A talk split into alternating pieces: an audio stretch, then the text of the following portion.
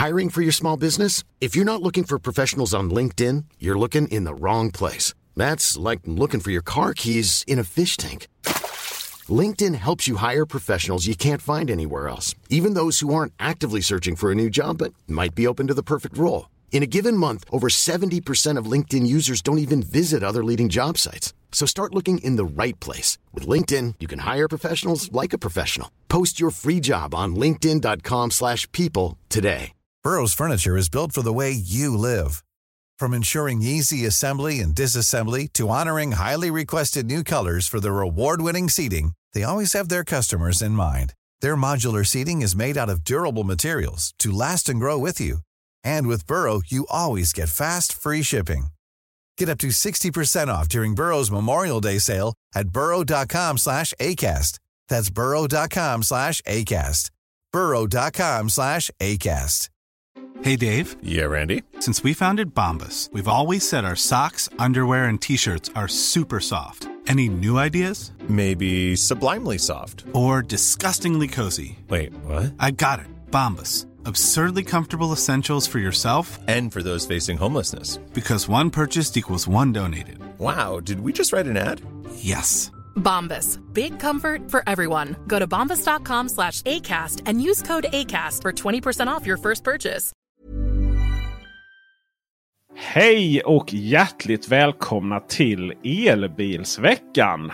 Jag heter Peter Esse. Jag heter Kristoffer Gullin. Välkomna ska ni vara och ni som är nytillkomna lyssnare, vilket ju skulle kunna te sig ganska så logiskt med tanke på att det här är avsnitt ett av Elbilsveckan. Ni som hamnat här genom att ni lyssnade på Teknikveckan fram till nu, en, en annan podd, men vi så att säga delar feed då. På den här feeden så kommer alltså Elbilsveckan eh, finnas framöver och vill ni fortsätta lyssna på Teknikveckan så vet ni hur ni ska göra för det. Nämligen gå till patreon.com teknikveckan. För nu kommer vi till första avsnittet av Elbilsveckan. Och det här är ju någonting som vi har pratat om länge, Kristoffer. Ja visst, det har ju ett par månader i alla fall. Och eh, jag var ju på redan från början när du nämnde det. Sen så tror jag att det rann ut lite i sanden, men äntligen! Ja, för vi tyckte ju att det behövdes en elbilspodd här. Det är ju en eh, marknad som vissa tycker är... Alltså, kört elbilar i halva livet. Men vi får ju ändå säga att vi är ett ganska intressant, kanske början av ett intressant paradigmskifte. Ja, det skulle jag verkligen säga. Och i detta så har du och jag gjort Youtube innan. Om, eh, där vi provkör bilar, vi pratar bilar, vi pratar elbilsladdning. Absolut. Eh, Jag har ju hållit på i strax över ett år har det blivit nu. Eh, och eh, lite mer på i skriftlig form.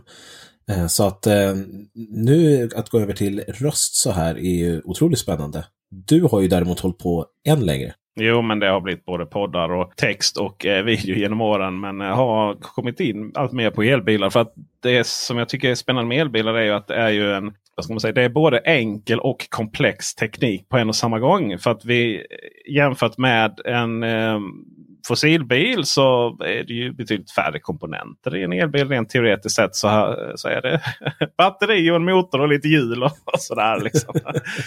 Men eh, sen har vi ju naturligtvis eh, allt som involverar en körkänsla. Det involverar trygghet i en bil. Det involverar hur vi använder navigation och hur det korrelerar liksom för att vi ska ta oss optimala sträckor och så vidare. Så eh, det som jag tycker fascinerande med elbilen är hur, eh, hur de olika företagen får allting att korrelera med hur stort batteri är och hur snabb en bil laddar. Hur optimerad den är i form av luftflöde och även hur, hur det samverkar med infotainmentsystemet. Liksom, och hitta laddare och så här. Eh, så att där har vi, en, har vi en spännande framtid tycker jag. Som vi vill vara med vi vill vara en del av och ni lyssnare också förhoppningsvis. Och något av det som vi kommer få se här, eller kanske mer få höra i podden här, är ju provkörningar som Esse och jag gör eh, utanför podden. Vi pratar nyheter, vi kommer även ta emot frågor från er som lyssnar så att vi kan kolla upp och svara på dem. Eh, och helt enkelt eh, försöka dela med sig av eh, kunskapen som vi har eller eh, själva lär oss eh, till er. Det handlar ju väldigt mycket om att vi, vi kan ju finnas saker som vi inte kan och sen så tar vi då reda på det och så paketerar vi ihop det när vi väl har förstått det förhoppningsvis. Och i det här avsnittet så kommer vi prata om någonting som vi sa att vi inte skulle lägga så mycket fokus på. Men det har ju hänt mycket runt Tesla denna veckan. Så att det blir eh, nyhet om det. Vi ska prata lite om att Audi eh, har eh, bytt sin laddtjänst. Och att eh, det går ju inte att börja 2023 utan att prata om hur året, laddåret, elbilsåret 2022 var. Eh, vi har provkört Mercedes EQE. Vi har provkört MG 4. Och vi ska diskutera Easy Park och laddning. Eh, långsam snabbladdning. ja, liten eh, motsägelse där. Och hur fungerar egentligen Vehicle to Home? Och eh, varför är det där ett felaktigt begrepp? Men vi börjar med att prata lite om Tesla. Och det har ju varit många nyheter runt Tesla. Tesla släppte nämligen loss en vanlig, får vi kalla det, fyrhjulsdriven variant av Model X och S härom dagen eller härom veckan. Och med vanlig menar vi då att det inte är played. Ja, precis. Och eh, med fyrhjulsdriften så blir vi av med den här 0 till 100 på två sekunder eller vad det handlade om. Det landar istället på strax över tre sekunder istället. Så blir man lite långsammare där. Men man får också lite längre räckvidd. Det finns ju många fördelar med icke-played-varianten. Till exempel räckvidden. Men jag skulle säga att den största fördelen är att du inte längre är tvingad att ha sex säten. Och för det tycker jag är ett konstigt val i playden. Är det ett måste i den alltså? Finns bara det valet. Och Du kan inte liksom fälla dem så att det blir ett rätt, ett korrekt eller man ska kalla det bagageutrymme heller. Utan du är fast med de sex sätena. Medan om du väljer den vanliga varianten så får du då välja fem, sex eller sju säten. Mm. Sen så i detta också, och det spelar ingen roll om du väljer Play eller om du väljer den vanliga fyrhjulsdrivna X och S. Så får du också möjlighet att välja en rund ratt. Och det kan ju bara vara i Tesla-sammanhang som det blir en nyhet då. Och eh, du slipper alltså den här joken. Eller hur vi nu uttalar det. finns väl inget bra svenskt ord för det. Men den här halvratten. Och där måste jag bara, du som faktiskt har testat den.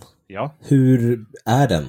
Som ratt så funkar den ju egentligen normalt. För att du håller ju ändå där du håller på en vanlig ratt. Där kan du även hålla på joken. Då. Men du har ett annat problem som du även har på den med eh, rundratt. Och det är att det är svårt att nå blinkisarna när du eh, kör i rondell. Då. För att de, du har ju dem som touchknapp. är det ju inte, för det är touch. Du har en touchyta på, på vänster om ratten eller joken. Den sitter på samma ställe som du blinkar med. Och egentligen, jag gillade den typen av blinken. Jag tyckte den var rätt, rätt trevlig. Men däremot när du eh, då ska blinka ur, ur en rondell då så får du göra lite akrobater kan jag säga. Och man vet inte vart blinkersen är. Nej, alltså den, du har ju den på vänster sida då. Och så vill du, eh, förlåt, du har ju den på höger sida helt plötsligt. kanske. Alltså, Tills du börjar svänga ja. ja, den är lite. Eh, du har ju inte heller en eh, växelspak för fram och bak. Eller växlar har du inte, men du har inte, en, eh, du har inte möjlighet att välja fram och bak via en spak. Då, utan du, du drar på skärmen om du ska fram eller om du ska bak. Eh, när du ska köra. Och det är väl så när som att du inte gör en stressig liksom, U-sväng där du inte riktigt kommer väg, kommer runt hela svängen och sen måste backa och du står mitt i det och folk tutar på dig så är väl det okej. Okay. Men det är ju inte en bil för någon som vill ha det traditionellt. Det får man ju inte, får man ju inte säga. Eh, men eh, det var nog bra att de tog den här ratten. Eh, mitt problem är att jag är lite för stor, alltså lite för tjock då. Det gjorde att ratten, eller joken, förlåt, den hamnade lite för nära mig, lite för långt ner. Hade jag bara fått ta upp den lite så hade jag varit nöjd. Men genom att då kan välja en ratt istället, då kan jag ta upp händerna något. Då. Men eh, det, man, kan inte, man kan inte välja bil efter mig. Så jag väger ändå 200 kilo ungefär. Sista stora förändringen, stora men det bara kom där. Det var att man tog bort T1 där bak på bilen. Tesla-loggan. Och det var väl på tiden? Ja men det var det va? Det känns ja, jag mycket renare det. och bättre. Ja, eh, det var ett bra designbeslut. Det har varit lite olika vet jag, liksom listorna och så vidare. Det har varit svart och så vidare. Men det som händer nu är att du ser själva texten Tesla. Den har ju varit med hela tiden. Men nu ser man den tydligare. den skrivs ut i, i, i, en kontrastfärg jämfört med hur det var innan. Då. Det stod Tesla på liksom, kromad Tesla på kromad list. Så. Och det är väl egentligen någonting som allt fler biltillverkare gör. De skriver ut märket istället för att ha sin logga. Volvo gör ju det. Mm. Eh, allt fler Audi vet jag inte om de har börjat med det. Men eh, vi har ju Aura, eh, massa andra som eh, har börjat med den typen av design. Mm. Jag tror du läser att, märket. Jag tror att eh, Mercedes och mm.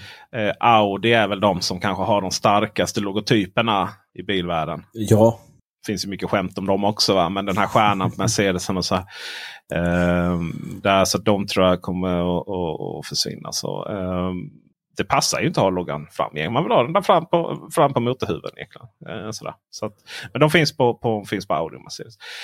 Många tar ju bort dem där. Ibland är det finns ett tillägg. Du kan ta bort dem.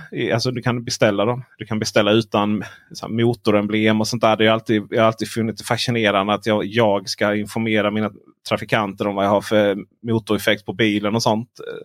Det, det är ju det är, det är mest för det egna, egna prestigens skull kanske.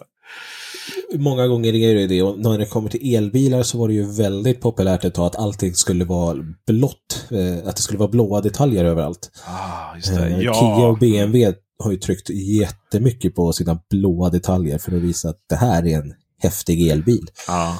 Volvo, när de, en eh, liten anekdot här mitt i alla Tesla-nyheter. När Volvo tog fram sin första elbil, vet du vilken det var? Sin första, det var väl C30? Just det, C30. Som ju aldrig såldes på marknaden utan den eh, specialbyggdes ett par hundra. Och sen så eh, kunde man leasa den så det gick till exempel ut till Volvos bilprovsbolag Sunfleet. Eh, OF, alltså gamla Ångpanneföreningen var väl inblandade. Så de hade några, eh, alla egentligen som var inblandade i den här elektrifieringen. De byggdes i Volvos fabrik i Gent i Belgien som gör alla de små bilarna hela fram, fram nu till man har fabriker runt halva jordklotet känns som framöver. Eh, och sen så skeppade de dem till Torslanda där man byggde dem för hand. Och elektrifieringen kostade ju en miljon att bygga. Var inte billig att leasa. Eh, men det var samma sak där. Det var eh, de första varianterna. De hade till och med så havs eh, vå, heter, vågor på sidan. För att det skulle liksom verkligen det här är, det här är natur och härlighet. liksom. Eh, och sen var det ju som du sa mycket blåa detaljer i, ja. i allt. Och, och. och göteborgarna njöt när de fick se en sån där. Åh, en elbil tänkte de. Nej, vänta. Det var det de inte gjorde. Men det var en fantastiskt bra elbil. Den var, den var eh, jag hade den då just i Sunflit, bilpoolsbolaget där, Volvos. Och eh, den var ju mycket härligare och mycket eh, trevligare att köra än till exempel Tesla Model S. Där de kom. Där. Det var inte så mycket körkänsla i dem en gång i tiden. Ehm, så det har ju blivit bättre nu i och med de, eh, de här uppgraderingarna av nuvarande Model X och S. X-Plade har jag kört och man kan se en video på det om ni söker på Model X Plade Peter Esse. Eh, men eh, eh, det är en helt annorlunda då. Så det var verkligen en fin elbil. Men den var ju då eh, första som lärde Volvo hur man skulle bygga elbilar då. Vi ska ju inte prata så mycket mer om Model X och S här utan vi ska gå in på veckans chock. Ja, är dagens chock i alla fall. Det är fortfarande fredag när vi spelar in vi det här. In, ja. mm. Och i morse när jag vaknade så var min sociala medieflöde helt explosion. Det var bara Tesla, Tesla, Tesla överallt eftersom de har totaldumpat sina priser på Model 3 och Model Y får man väl ändå säga. Det finns ingenting annat än att säga dumpa. Prischock. Alltså vi är ju inte de som vill använda så himla mycket superlativ i den här podden. Men det här är ju ett paradigmskifte. Det här är ju en, en eh, det var ju lite chockstämning där när vi helt plötsligt bara bonusen försvann då över dagen. Men det här är ju samma. Fast åt andra hållet. Ja, det skulle jag säga. Den minsta sänkningen är på 71 000 och det är på Model 3 eh, Performance. Mm. Eh, den högsta är på 150 000 kronor. Eh, och det är ny, nya Model Y Standard Range. Och det är ju den som är också mest intressant för att du, du vill köpa en ny elbil. Um, som du ska köra från A till B. Eh, Ica, gymmet, ungarna till fotboll eller gymnastik eller hockey eller innebandy eller vad det kan vara.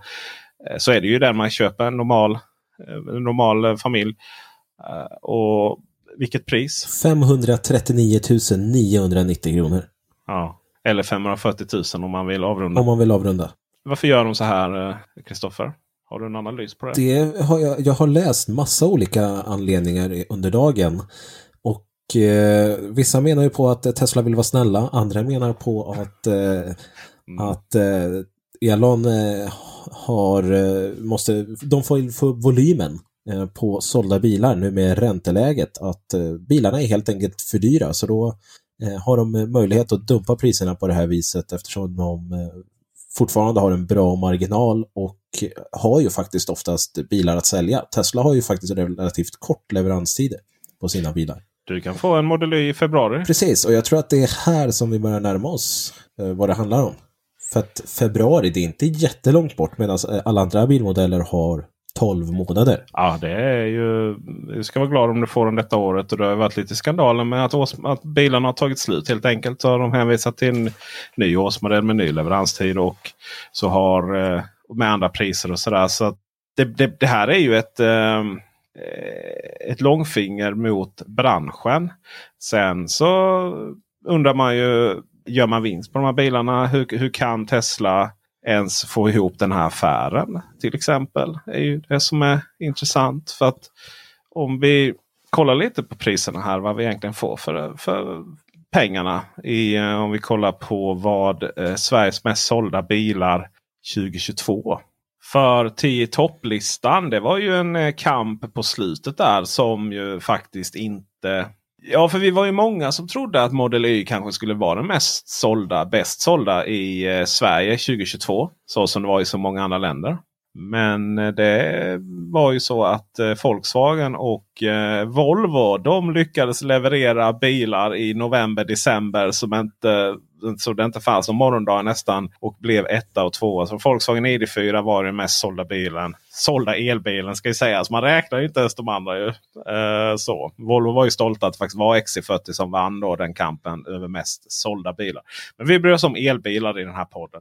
Så Volkswagen ID4 med 8874 sålda bilar. Volvo XC40 på tvåa med 8239 bilar. Tesla Model Y kom då trea med 6550 bilar. Därefter Kia Niro med bara åtta bilar mindre levererade. 6542.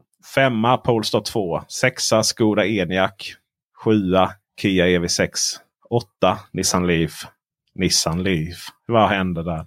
Ja. 9 Volvo C40 och 10 MG ZS. Jag är förvånad att den ligger så lågt. Mm. Uh. MG menar du? Ja. De hade väl inte fler? Nej, det måste vara eh, något sånt. Men jag tycker jag har sett många fler MGZS än eh, C40. Men... Ja, det är ju tufft med anekdotisk bevisföring. Men för det räcker att ta sig till Göteborg så ser, ser man väldigt många Volvo-bilar. Det var som att, jag vet, eh, jag undrade vad alla Sabar var sen började närma Trollhättan en gång till. om vi då vänder den här ordningen och går efter billigast. Då har jag faktiskt fått ta bort MGZS. För den går inte att få tag på. Nej, de har ju sålt slut på den. Mm. Uh, det har jag fått höra av min presskontakt där. det var jag stolt över. Uh, men vi har MG, vi bytte ut den mot MG4 istället. Electric. Uh, som då kostar 415 000. Därefter sen så har vi eh, Nissan Leaf som egentligen i sin grund kostar 380 000. Men vi har satt ett krav på den här listan. Du måste ha adaptiv farthållare i våra bilar. Eh, så att därför så blir det på vissa bilmodeller två faktiskt. Det är Nissan och Polestar. De får ett litet tillägg här. Eh, och i Nissans fall så måste du liksom uppgradera hela bilen till Nissan Leaf E plus Accenta. Eller hur man uttalar det. Då är det 461 000. Så eh, MG 415 000. Nissan Leaf 461 000. Det är inte riktigt eh, Tesla-klass nu vi är uppe i här. I kvalitet och funktioner. Kia Niro EV 530 500 kronor. Wow. på femte plats. Och då vi, det ska sägas att, här, att MG Electric eh, och eh, Nissan Leaf och, och de här eh, laddar ju inte så himla snabbt heller. Ja, beg to differ, men det tar vi sen. Ja, eh, men Nissan Leaf 46 kilowatt. Mm. Okej, okay, det är snabbt. Ja, ja vi, vi tar det sen. Oj, vi tar det sen. Ja, Okej, okay. ingen spoiler här inte. Alright, femma så har vi då Model Y, Tesla Model Y. Och då är det ju den uh, uh, som inte är, den heter bara Tesla Model Y så den är inte dual motor eller long range eller någonting. Nej, de tog ju bort standard range, vilket mm. gör det lite svårt att beskriva vilken typ av bil, bilar man pratar om. Just precis. Eh, här kommer ju kunskapslucka deluxe här va? men är den bakhjulsdriven eller framhjulsdriven? Den är bakhjulsdriven. Den är bakhjulsdriven. Ja, Okej, okay, se där. 540 000.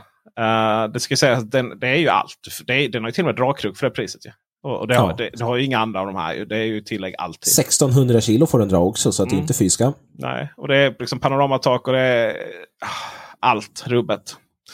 Så alla till farthållare ingår ju. Ju det, man kan ju uppgradera. Det kan ju vara lätt att tro att om du köper en Tesla så du kan ju uppgradera självkörningen där i två steg. Ett för 30, alltså 40 000 då, 39 000 och ett för över 70 000. Men den adaptiva farthållaren och att den håller sig lane assist och sånt. Det, är, eh, det är, ingår i, i grunden. Då. Ska vi ha en Volkswagen ID4 så måste vi betala 585 000. Det är jättemycket pengar för den bilen. Ja, Ja, alltså, mm. ja, men om, om, om, vi, om vi inte pratar om Model Y här, vi bara skrotar den lite. Och så är ju Volkswagen ID4 den billigaste av de här. Eh, så här. Volkswagen ID4 var ju den billigaste av de trevliga bilarna på den här listan. Eh, för sen har vi Polestar 2 på 605 000. Det är för att den kostar 570 000 i grund. Det är ju samma sak där. Det är bara en motor. Men då måste du alltså lägga på 35 000 för att få adaptiv farthållare. Och då ska sägas, du ingår inte ens rattvärme för då måste du ha det andra paketet som kostar ännu mer. Alltså Polestar har, de har intressant paketering där. Men det är klart det är för att de är säkert inte tjänar spänn på att sälja den här eh, standard range i, enmotorsvarianten. Ja, för kollar man eh, på nästa bil, Volvo XC40 där, eh, som Polestar-plattformen bygger på, den är ju ännu dyrare. Den börjar ju på 637 500 kronor. Ja, och det här är ju intressant Kristoffer. För att om du ska konfa en sån bil. Och det gäller ju även Volvo C40. Alltså den, jag vet inte vad C40 kommer in i branschen eller vad, vad vi ska definiera det som. Men uh, då är det ju så att du, du, du kan inte välja grundpaketet och bara bakhjulsdrift. Volvo bytte ju från framhjulsdrift till bakhjulsdrift här nu i, här nyligen bara i december. Mm. Och, eller, eller, eller fyrhjulsdrift. Då. Um, men du kan inte välja Core, alltså den minst spesade versionen och välja bakhjulsdrift. Utan du måste välja, om du ska kunna välja Core, den minst spesade och billigaste versionen, då måste du välja fyrhjulsdrift. Eller så väljer du då bakhjulsdrift bara och får ner priset. Men då måste du välja eh, nästa variant av eh, den här eh, paketeringen. Eh, i, I vårt fall så hade man varit tvungen att välja då Eh, det är Core Plus eller Ultimate. Och eh, Core då, då får du lite så panoramatak. Det är roligt. Det ingår panoramatak i elmanuell baklucka och sådana saker. Men Pilot Assist, alltså den adaptiva farthållaren och att den håller sig inom eh, sin fil. då. Och sen är det Bliss och lite sådana saker också.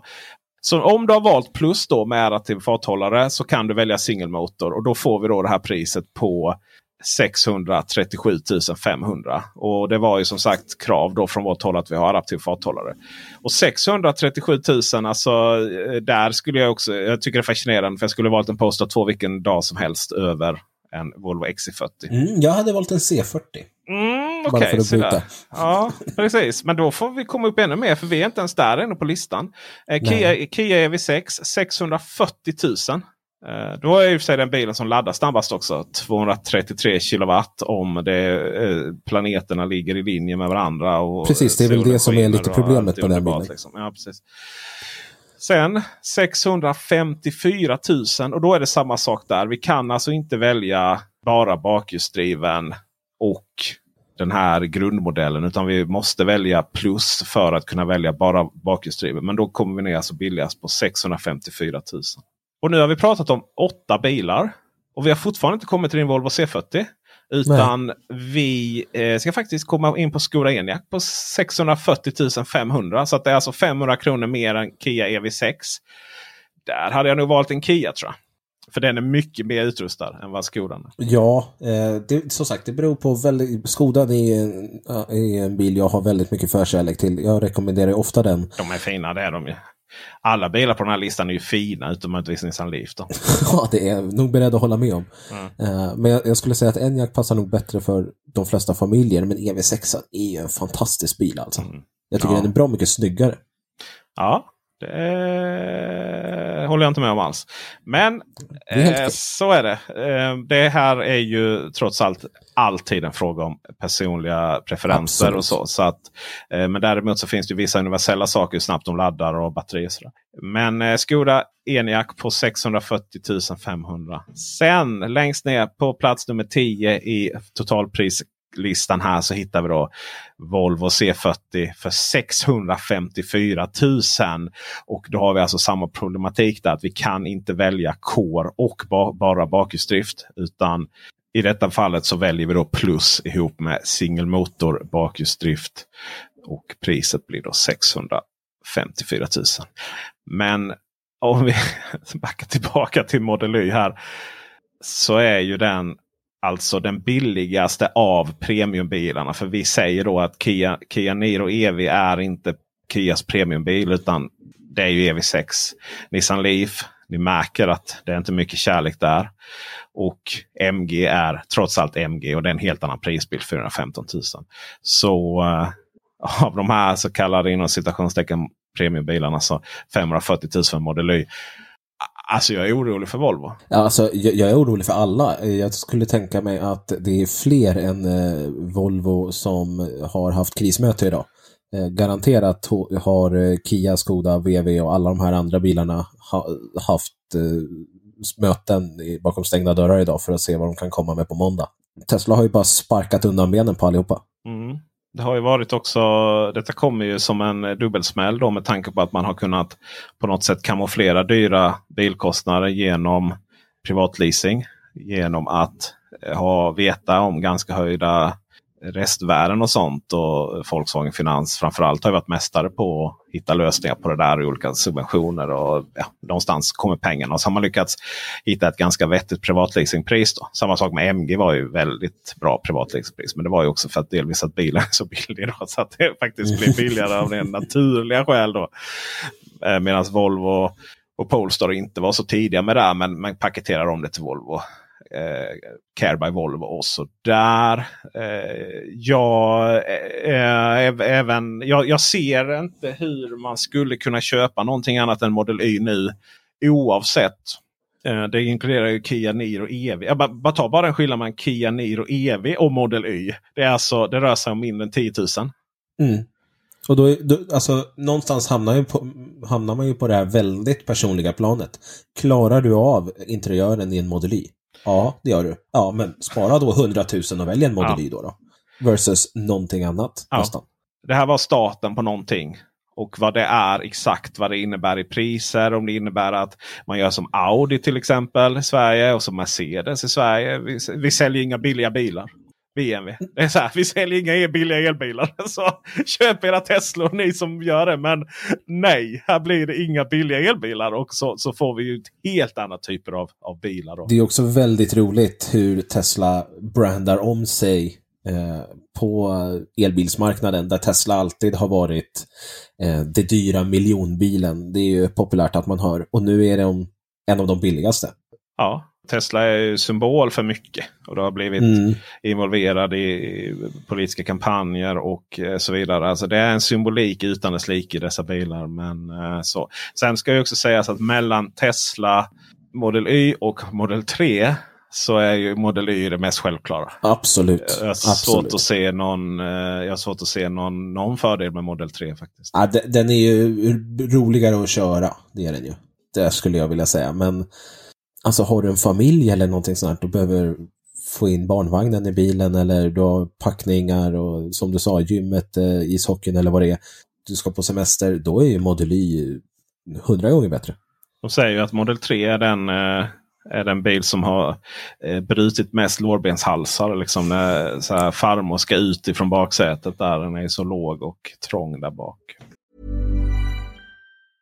I'm Sandra, and I'm just the professional your small business was looking for. But you didn't hire me because you didn't use LinkedIn jobs. LinkedIn has professionals you can't find anywhere else, including those who aren't actively looking for a new job but might be open to the perfect role, like me. In a given month, over 70% of LinkedIn users don't visit other leading job sites. So if you're not looking on LinkedIn, you'll miss out on great candidates like Sandra. Start hiring professionals like a professional. Post your free job on linkedin.com/people today. Burrow is a furniture company known for timeless design and thoughtful construction and free shipping, and that extends to their outdoor collection. Their outdoor furniture is built to withstand the elements, featuring rust-proof stainless steel hardware, weather-ready teak, and quick-dry foam cushions. For Memorial Day, get 15% off your Burrow purchase at burrow.com slash ACAST and up to 25% off outdoor. That's up to 25% off outdoor furniture at burrow.com slash ACAST. Wow. Nice. Yeah. What you're hearing are the sounds of people everywhere putting on Bombas socks, underwear, and t-shirts made from absurdly soft materials that feel like plush clouds. Yeah, that plush. And the best part? For every item you purchase, Bombas donates another to someone facing homelessness. Bombas. Big comfort for everyone. Go to bombas.com slash ACAST and use code ACAST for 20% off your first purchase. That's bombas.com slash ACAST. Code ACAST.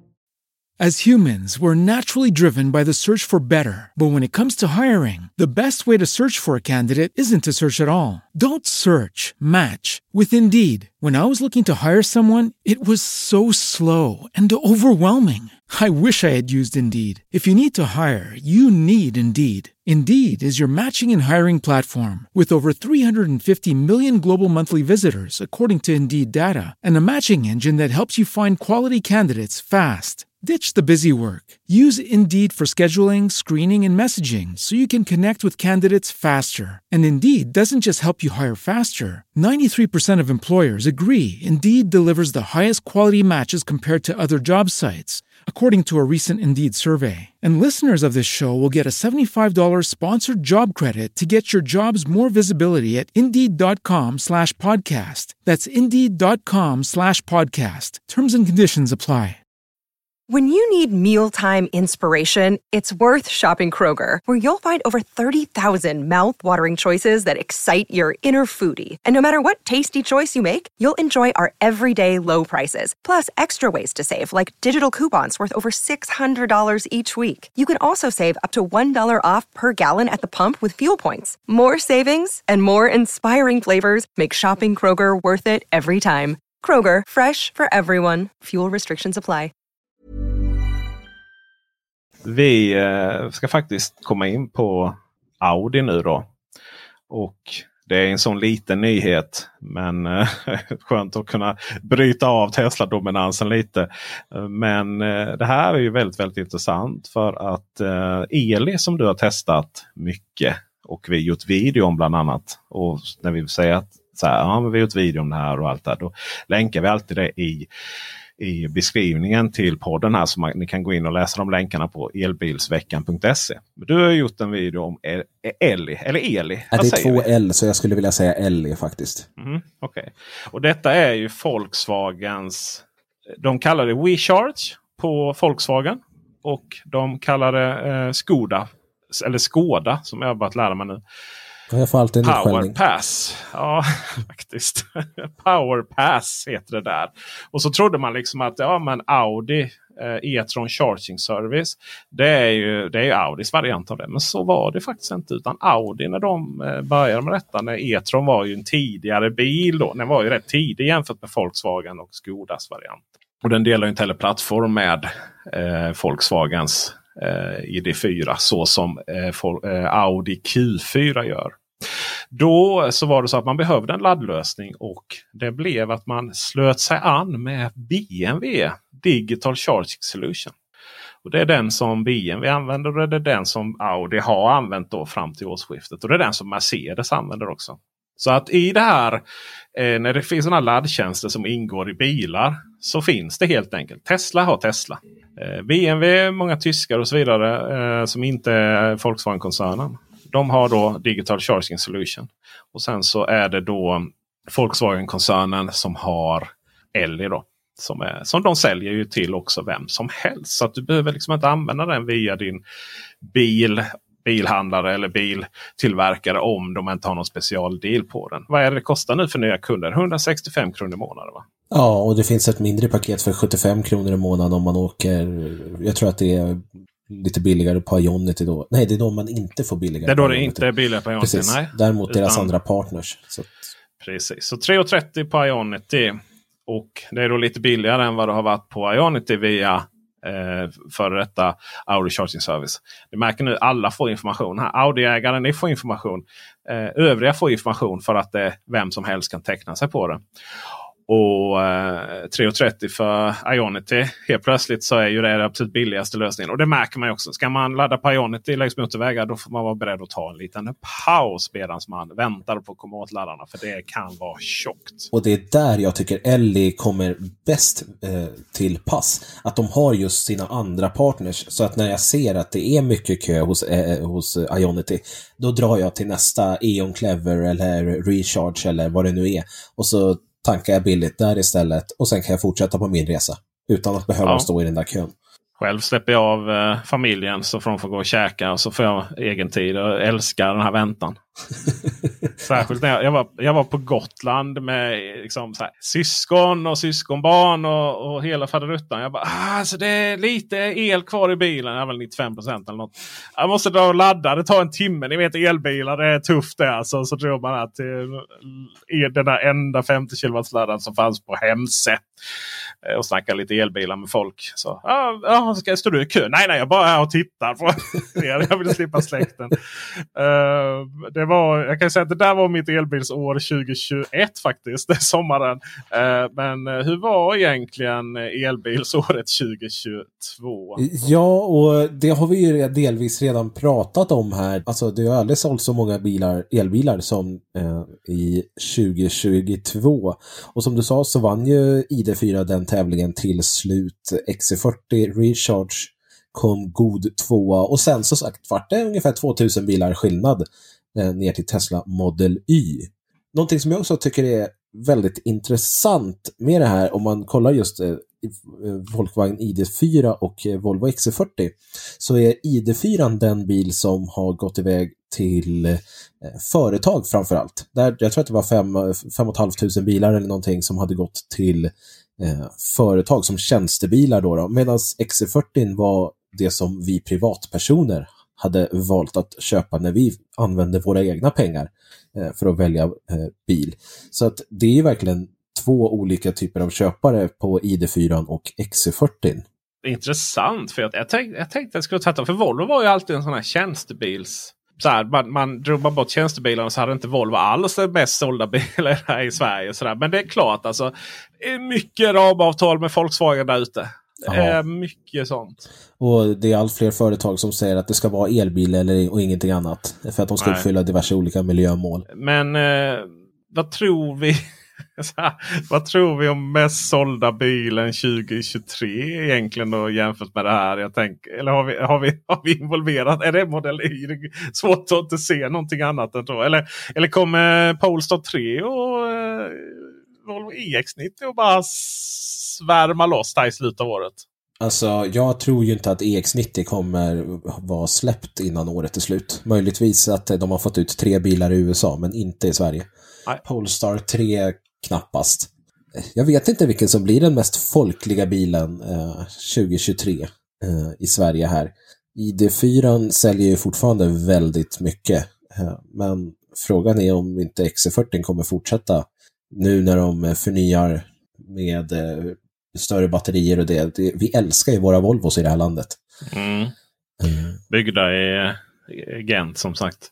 Och i eh, lite andra ställen. Eh, vad är, och med det menar jag, vad är det för Volvo vi älskar i det här landet? Är det inte de stora, stora bjässarna? Alltså det vill säga kommer, kommer det vara eh, XC40, XC60 plug-in fortfarande vara den? Så här, andra mest sålda bilen i, i det här landet även nästa år.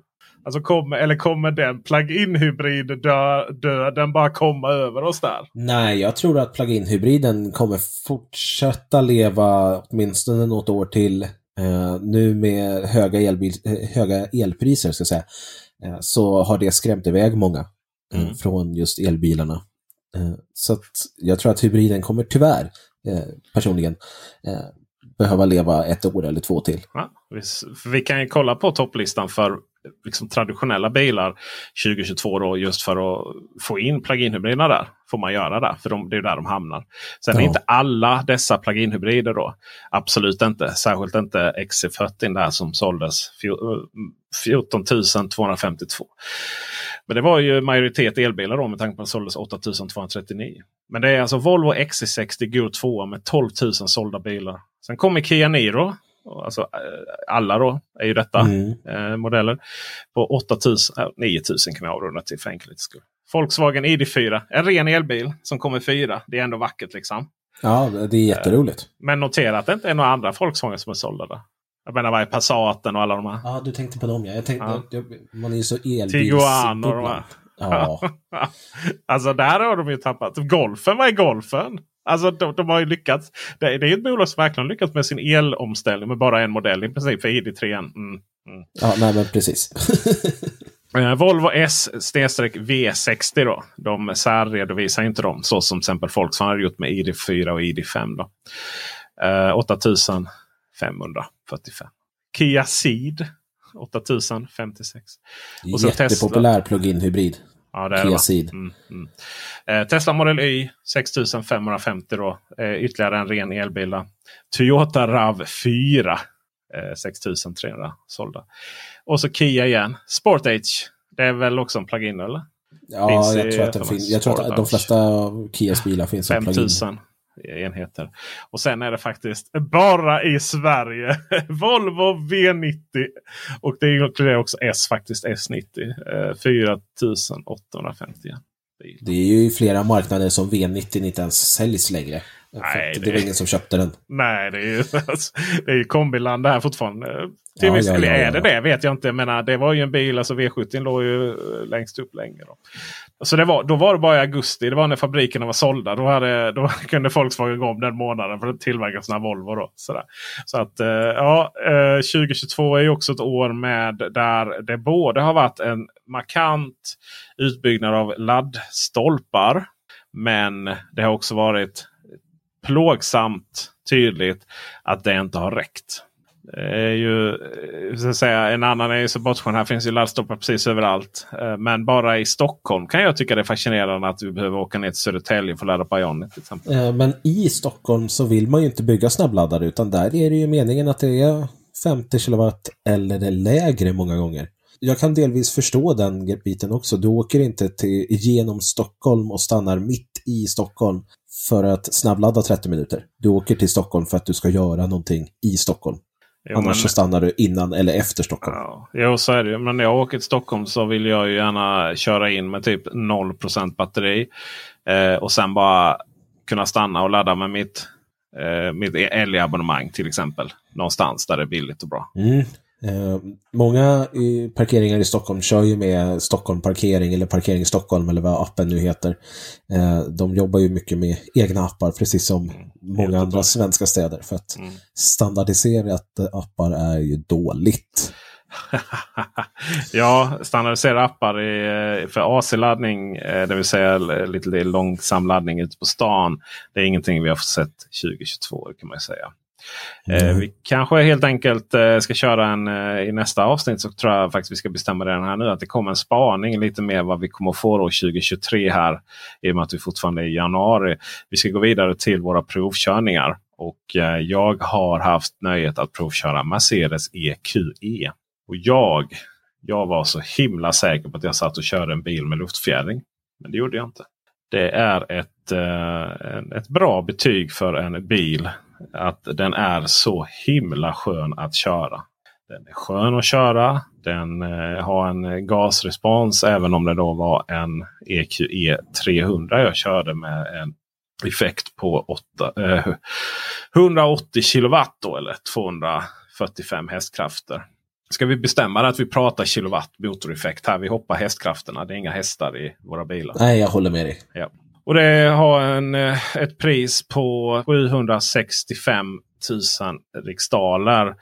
Eh, Men som så ofta när det kommer till tyska bilar så är ju det tillägg till absurdum om vi ska ha den, göra den här lite roligare. Eh, Mercedes jobbar också med, eh, man kan köpa. Ska du styra, styra interiörsbelysningen lite mysigare än vad den är och sådär. Så det finns ett tillägg för det som du kan abonnera på. De jobbar mycket med ab abonnemang inne i bilen. Då, att du kan aktivera det bara någon månad och sådär. Och eh, sen har ju de, den här bilen hade ju inte den här gigantiska skärmen som täcker hela instrumentbrädan. Eh, så då. 48. Den kostar ju 100 000 bara den. Men jag har aldrig suttit i en, i en sedan som har fått mig att känna Wow Mercedes, ni har ju det här i er. Ni har ju det här. så, det, är så här, det är ju ingen myt liksom. Jag har inte kört Mercedes sen Skåne var danskt i princip. Och eh, de, de, har ju intressant, alltså de har ju en, en form som är, den är ju så smooth. Liksom. Det, är, det är verkligen tvålkopp på ett helt annat sätt än vad man är van vid Mercedesen innan. Uh, och det har de ju fått lite kritik för också. De ser lite tråkiga ut tycker ju vissa. Men den har alltså ett, en, en, ett luftmotstånd på 0,22. Och det ska ju sägas att eh, modell EQS, alltså den större sedanen då, den har alltså 0,2 blankt. Det är lågt alltså. Ja, och tänker man eh, lite, lite större suvar var det Polestar 3 som hade 0,29 så att man får någon ja. form av referens Oj. uppåt också. Hade den högre än eh, till exempel Audi Q8 alltså? Wow, intressant. De lyckades ju sänka den från 28 till 0, 0, 028 till 027. Det sägs att eh, luftmotståndet på eh, Audi E-tron Sportback eh, gick från 0,026 till 0,24. Så att, eh, och Sportbacken är ju mer lik kanske en Polestar 3 än vad den stora, stora, stora, stora Audi Q8 vanliga SUVen. Precis, Men, Polestar 3 eh, hade 0,296. Oj! Jag, inte jag ens på det. Ja. Men eh, Mercedes EQ, det är klart sedan. Alltså det är klart de har, de är så strömlinjeformade. Och bra plats där bak. Eh, 7, eh, 764 000. Säg att man får ge ungefär 8, alltså strax under 900 000 för det här. Så, så har du Mercedes uppfarten. Eh, som är skön att köra, skön att se på. Effektiv. Och så har den en grej som jag ser, ser det som helt självklart att det här måste komma. Det är nästan EU-regleringsnivå på detta. Bilen talar om för dig hur snabbt den kommer att ladda. Innan du börjar ladda. Så då har du inte det här liksom. Ja, när det kommer vara 70 kW idag eller 150 kW. Eller så här. Och, och den är detaljrik också. Så den, den talar om för dig att ja, men vi laddar inte mer än 100 kilowatt här nu. För att det är lite kallt ute. Men jag förvärmer åt dig, kära vän. Så att eh, det här. Så då ser man hur, alltså på väg till laddaren då. För den förvärmer ju genom att vi slår in laddaren i navigatorn. Så där förvärmer de eh, och så ser man hur den räknar upp. liksom. Och så är det lite så här. Okej, okay, ska, jag, eh, ska jag ta en extra tur för att påverka det? Eller är jag liksom uppe nu i... För den kan ju ladda upp till 170 kilowatt DC-laddning. Och om den då ser att okay, men den klarar 150 kilowatt, Ja men då är det ju bara att köra in liksom. Men om den är på ja, men jag kommer bara dra 100. Ja, men då kanske man ska ta en liten omväg. Och eh, Sen är det naturligtvis så att om du då har slått in en, eh, en laddare som den vet bara laddar 100 kilowatt eller 50 kilowatt eller någonting sånt. Då eh, så eh, kommer den visa det också. Sådär. Och sen är det ju state of charge. Alltså det vill säga att den vet hur många kilowattimmar du har i batteriet när du kommer in. Och baserat på det så kommer den också berätta vad den kommer att ladda. Och det är ju helt självklart. För det har ju varit en jättegrej den här, som, äh, den här vintern. Ju. Att alla är så himla besvikna på laddhastigheten. För att den går mm. Ännu en video du har gjort och förklarat varför det har med kyla att göra. Ju. Länkar vi till också. Bland annat ja det, det som är lite tråkigt med Mercedesen är att jag, har, jag hade ju bara möjlighet att köra den några timmar. Så det är ofta så nu för tiden tyvärr. Jag hoppas att framöver kunna liksom ha längre tester och sånt. Men eh, det var ungefär där jag hamnade. Så det, men under den tiden jag hittade liksom inget. Jag hittade liksom ingenting att klanka ner på. Den har snabb laddning. Den har ett batteri på 89 kilowattimmar eh, netto. Då. Eh, det är betydligt större brutto faktiskt. De har, det är 100 kilowattimmar. Men eh, 89 kWh som vi kan använda. Den laddar snabbt. Den är mycket skön att köra. kanske skönaste Sedan jag någonsin har kört i klass med luftfjädrad SUV. Eh, den är snygg i svart. Omöjlig att tvätta. Säkert hålla ren. Men oj vad snygg den är i svart. Och eh, även där bak sitter jag hyfsat bra. Däremot kan jag inte sitta bakom mig själv. Men det är ju få människor på planeten som kan göra det. Så där är min bedömning av eh, hands-on skulle jag vilja säga då av Mercedes EQE eh, 300. 50 tror jag det var jag körde. Och jag ska säga så när den här podden har publicerats så är inte videon på den testkörningen ute. Men gå gärna in på PTC på Youtube och prenumerera så kommer den ut. Du har inte riktigt kört eh, Mercedes-klass. Jag åker inte i nej, den prisklassen. Nej. Nämligen eh, bland de billigaste elbilarna som vi kan köpa just nu i Sverige. Nya MG4 sitter jag och tuffar runt i just nu. Pris på 415 000 kronor med ett batteri på 64 kilowattimmar istället för dina 100 kilowattimmar. Ja, det kanske man kommer fram på ändå. Det gör man verkligen. 435 kilometer har VLTPn satts till och eh, i blandad körning så skulle jag nog inte bli förvånad om man kommer uppemot 40 en fin dag. Det tror jag inte alls är något problem. Den är oförskämt snål i lägre farter. Eh, motorvägsfart så drar det iväg direkt däremot istället. Men det finns ju två versioner av den här egentligen, men i Sverige så har man valt att bara lansera den stora med stort batteri, fullutrustad. Köper du en eh, MG4 så får du allt som MG kan erbjuda i dagsläget. Och för det mesta funkar det riktigt bra. Eh, man får ju tänka på att det är en bil för 400 000 i en elbil för 400 000. Då kan man tänka sig eh, att eh, man kanske inte får de här lädersätena och det får man absolut inte. Men det, alltså för priset så är det svårt att säga att det är en dålig bil. Eh, kollar man på många av de andra bilarna som ligger där omkring, ja men om vi tar Nissan för 461 000 kronor, eh, Nissan Leaf. Det, det, om du funderar på att köpa en Nissan Leaf, köp en MG 4 istället. För att det är bättre utrymmen, det är bättre kvalitet, det är bättre allt.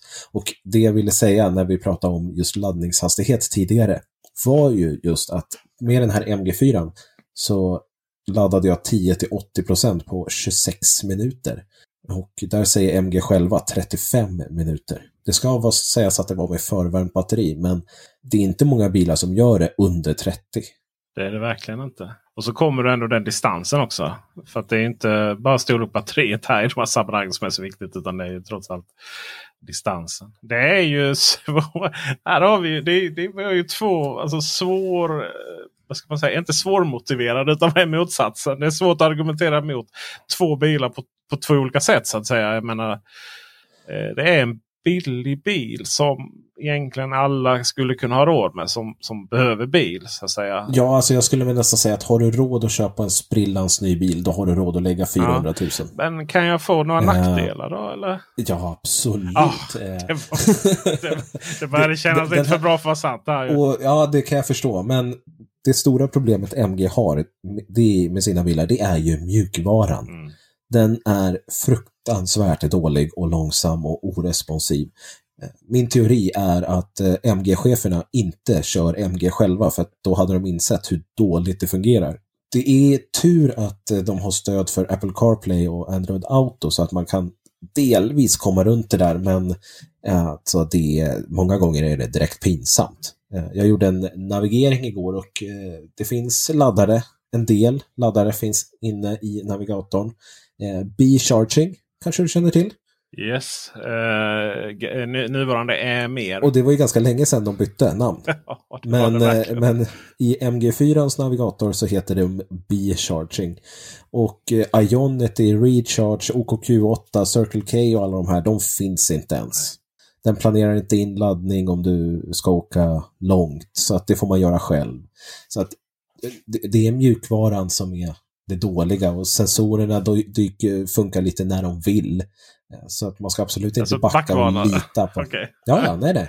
Du kan backa och så eh, blir det väldigt nära helt plötsligt för att det är ingenting som piper och det är kameror som inte dyker upp och alltså det, det är på riktigt pinsamt när det kommer till mjukvaran i MG4. Och Det är intressant för att det där borde inte vara en kostnadsfråga. Jag tänker Vi har ju sett många billiga eh, kinesiska elbilar där allting ingår, alla sensorer. Och jag menar, det, det har ju funnits saker som att som jag till exempel var kritisk mot Airways U5 då. Att den började så här vibrera lite väl oroväckande mycket på motorväg. Men, men alltså sensorerna funkade ju. Mjukvaran var ju hyfsat snabb. Och så så det är ju lite onödigt kanske. Ja, och det, det värsta är ju att det är ingenting nytt och unikt för bara MG4. Det är ju alla MG-bilar där mjukvaran är dålig. Det känns inte som att man har jobbat alls mer under 2022. Uh, eh, Okej, okay, jag ska ta tillbaka det lite. För Lane Assist fungerar bättre i MG4 uh, än i tidigare bilmodeller från MG. Okay. Fortfarande inte bra, men bättre. Om vi matchar den mot en annan bil som kostar exakt lika mycket, 415 000 nästan. Eh, Ora 300. Mm. Jag förstod att du skulle göra det. Jag har förstått att du tycker om alltså, jag, Oran. Jag gillar ju... Uh, jag tycker den är mysig. Ja, och där kan man väl säga, jag har ju också kört den, att uh, den har ju bättre kvalitetskänsla. Det är inget tvekan om saken. Mjukvaran är också bättre i Oran skulle jag säga. Men Annars så vet jag inte riktigt vad som står på Orans sida. Den går 10 mil kortare enligt VLTP. Den laddar i 65 kW istället för 135 som eh, MG4 kan göra. MG4 kan förvärma batteriet. Och som sagt, 10-80% på 26 minuter, det får du inte Nej. i Oran. Trots det lilla batteriet? Ja, det är, vid 50 procent så börjar den ticka ner och de sista 70-80 procenten, där tar den ju nästan längst tid. Ja. Men de första 50 procenten går ur, ur maxar. Just det. Åran är ju dessutom ett batteri du förväntas köra upp i 100 procent då och då. Medan MG är, är fortsatt eh, mer traditionellt 80 eller? Ja, alltså eh, det ska jag väl vara ärlig med att säga nu att jag är okunnig om. Eh, i deras standard range-modeller, MGs standard range-modeller, så kör de med LFP-batterier. Men nej, här kör de nog eh, samma batterityp som eh, på long range-versionen eftersom det här är long range-versionen vi har fått i Sverige. Just det. Ännu en video att kolla på.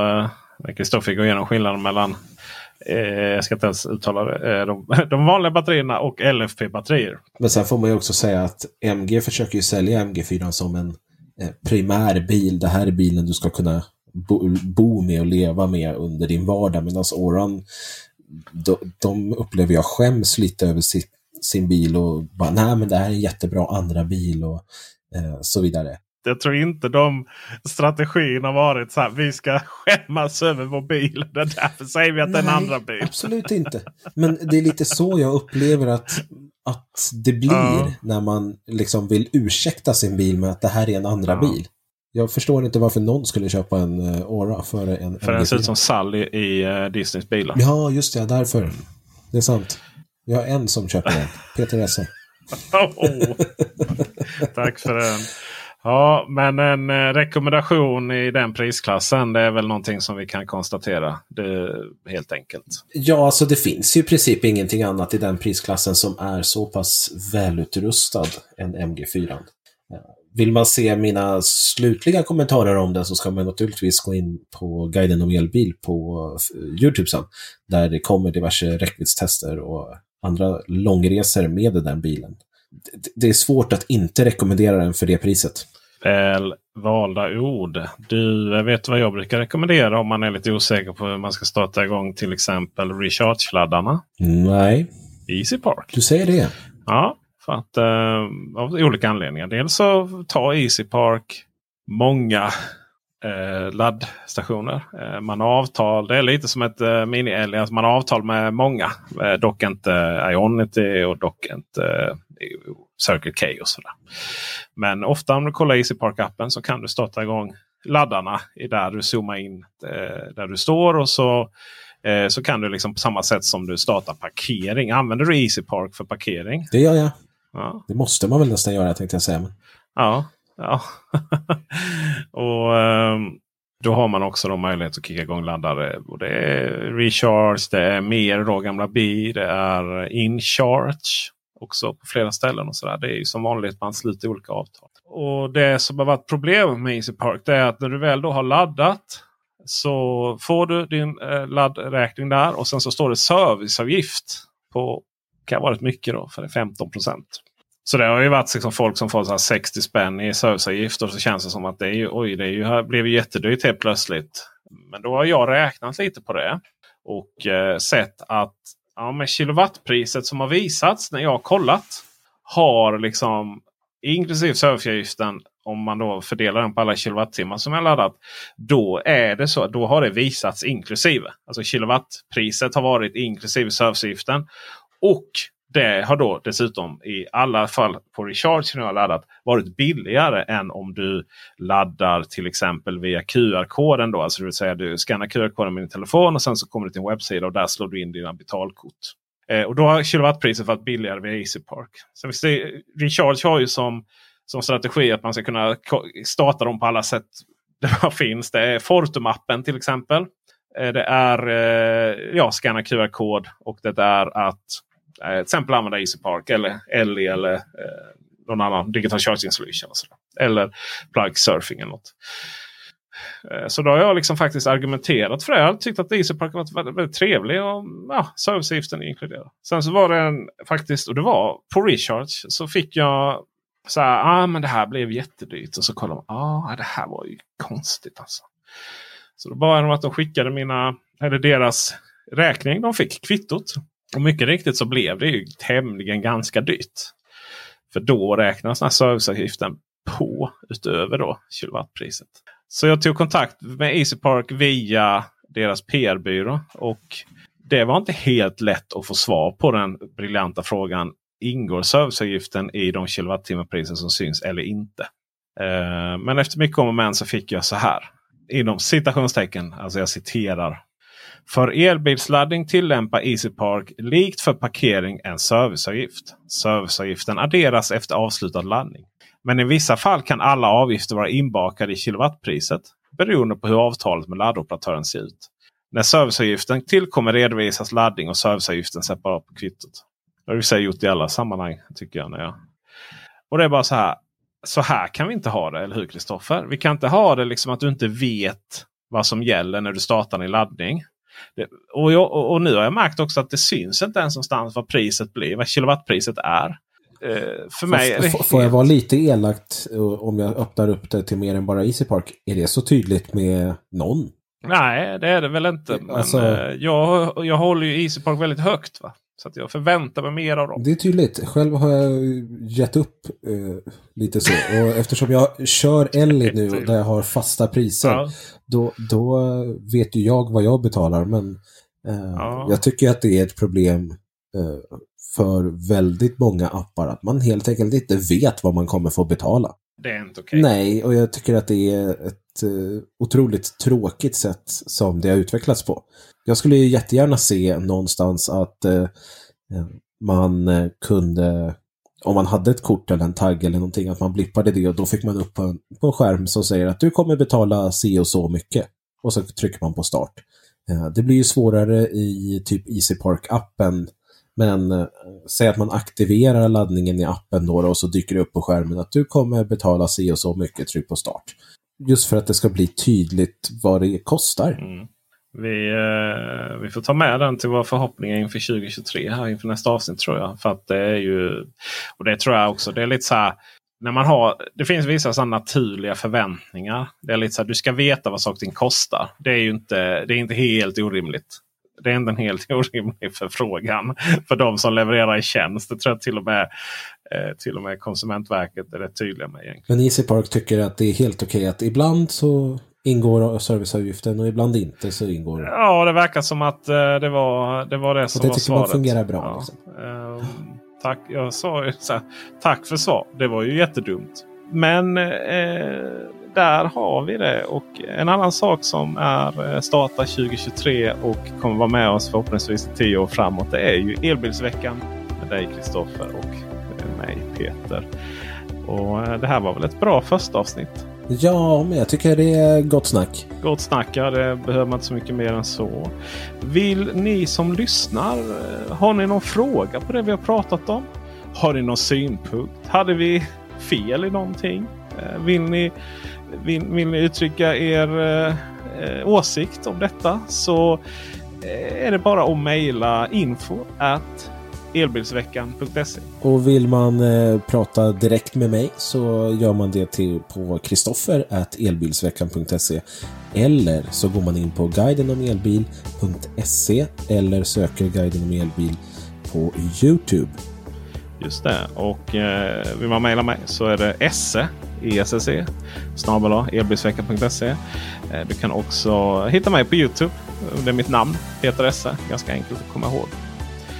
Och med det mina vänner så tackar vi för visat intresse. Show notes, alltså det vill säga vad vi pratar om och Eh, alla länkar till olika saker som vi har diskuterat här idag.